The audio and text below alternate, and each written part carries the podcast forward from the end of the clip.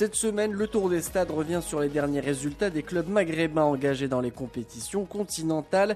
Durant un week-end chargé, l'Ittihad de Tanger retrouvait pour la première fois de son histoire le deuxième tour préliminaire de la Ligue des champions d'Afrique.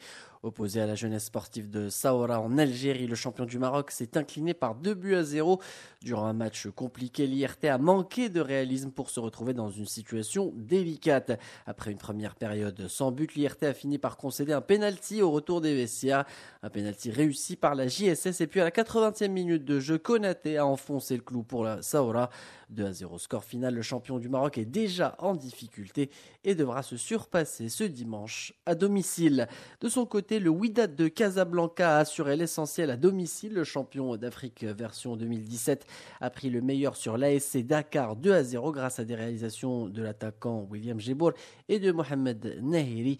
Pour son premier match continental depuis qu'il a repris le WAC, Fauzi Benzarti en a profité pour dresser un premier bilan concernant l'état de forme de son équipe le technicien tunisien qu'on écoute. Je suis Louis de nouveau. Je veux Louis pratiquement dans tous ces matchs lorsque j'étais absent, j'ai constaté qu'ils tachent un peu le niveau. Le niveau match, euh, même le dernier match ou l'avant-dernier match, mais que nous, le match. Je pense, les repères, Rajon, surtout maintenant sur le plan défensif, lorsque je parle défensif, c'est-à-dire toute l'équipe qui a bien défendu, défendu et devant. Pratiquement, l'équipe adverse n'a pas eu d'occasion pratiquement zéro occasion. C'est ça le plus important. Malheureusement, on n'a pas pu marquer au-delà de deux buts parce qu'il y a des repères. Pratiquement, il faut retravailler tout nouveau le repère pour prendre des occasions. Plus que ça, et marquer plus que ça. Voilà, pour moi, je félicite tous les joueurs. J'étais content du rendement de toute euh, l'équipe. Le WAC a donc rempli sa part du contrat, mais devra se méfier de la formation sénégalaise qui aura à cœur de faire un bon résultat à domicile, comme le confirme son entraîneur Malik Daf, expansionnaire de la Botola. C'est ça le football. Il faut féliciter l'équipe de Vidal qui a gagné, mais qui n'a pas montré son vrai visage. Parce que je pense que l'équipe de Vidal, quand même, qu'on le connaissant, depuis les Daoudi et les Moussa Ndaou des années précédentes, moi j'ai joué au, Sidi Kassem ici, au Maroc. Je connais bien cette équipe, mais quand même, je sais que c'est un match de football. C'est Vidal actuellement qui gagne le premier match 2 à 0, mais je pense qu'au match retour, on va se préparer en conséquence essayer nous aussi, pourquoi pas, de, de gagner à domicile. Moi, je pense que d'après ce que j'ai vu, c'est une très bonne équipe, mais, mais,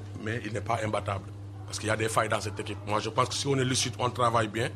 Moi, je, je pense qu'on verra un, un bon match retour. Et le match retour est prévu pour ce samedi au Sénégal. Côté Coupe de la Confédération africaine, la Renaissance sportive de Berkane a de son côté assuré le spectacle à domicile opposé au Libyen d'Al-Ittihad, euh, entraîné par euh, Abdelhak Ben passé par le Maroc avec des expériences au Raja de Casablanca et l'Ittihad de Tanger. La RSB a fait l'essentiel pour le compte du deuxième tour préliminaire à aller. L'équipe de Belkan s'est imposée par 3-0 grâce à des réalisations d'Alain Traoré, Hamdi Lachir et Mohamed Aziz, le capitaine de l'équipe. Un résultat qui permet au dernier vainqueur de la Coupe du Trône de préparer avec sérénité son match retour en Libye. Belle opération également pour le Hassania d'Agadir. La formation marocaine s'est imposée face au club sénégalais de Génération Foot sur le score de 2 à 0. Les buts des représentants de la capitale du Souss ont été marqués par Ayoub El Mellouki à la troisième minute de jeu et Tamer Siam à la 64e. Une performance dont doivent profiter les Gadiri comme le confirme l'entraîneur espagnol de l'équipe Miguel Gamondi au terme de cette rencontre. Ça reste jouer 90 minutes, ça va être pas facile. On a, on a pris un bon avantage, mais c'est pas sûr encore. On va essayer de faire le meilleur, bien sûr. Marquer deux buts, c'est pas facile. Et il faut savoir que aussi Hassania, c'est une équipe solide en défense. C'est pas facile qu'on encaisse des buts, mais c'est jouable, c'est encore jouable et ça reste beaucoup de temps. Et le match retour du Hassania d'Agadir se jouera au Sénégal. Ça sera dimanche prochain contre cette même équipe de Génération Foot. Pour ceux qui du reste des résultats en Coupe de la CAF, le Ned Hussein Day a fait match nul 0 à 0 contre les Zambiens de Green Eagles. Même score lors de l'opposition entre l'Union Blabbas et les Nigérians des Rangers International. Pour sa part, l'étoile du Sahel a dominé les Ivoiriens de Stade Abidjan 3 à 0. Enfin, le CS Faxien a écrasé les Green Buffaloes de Zambie. Score final 4 buts 1.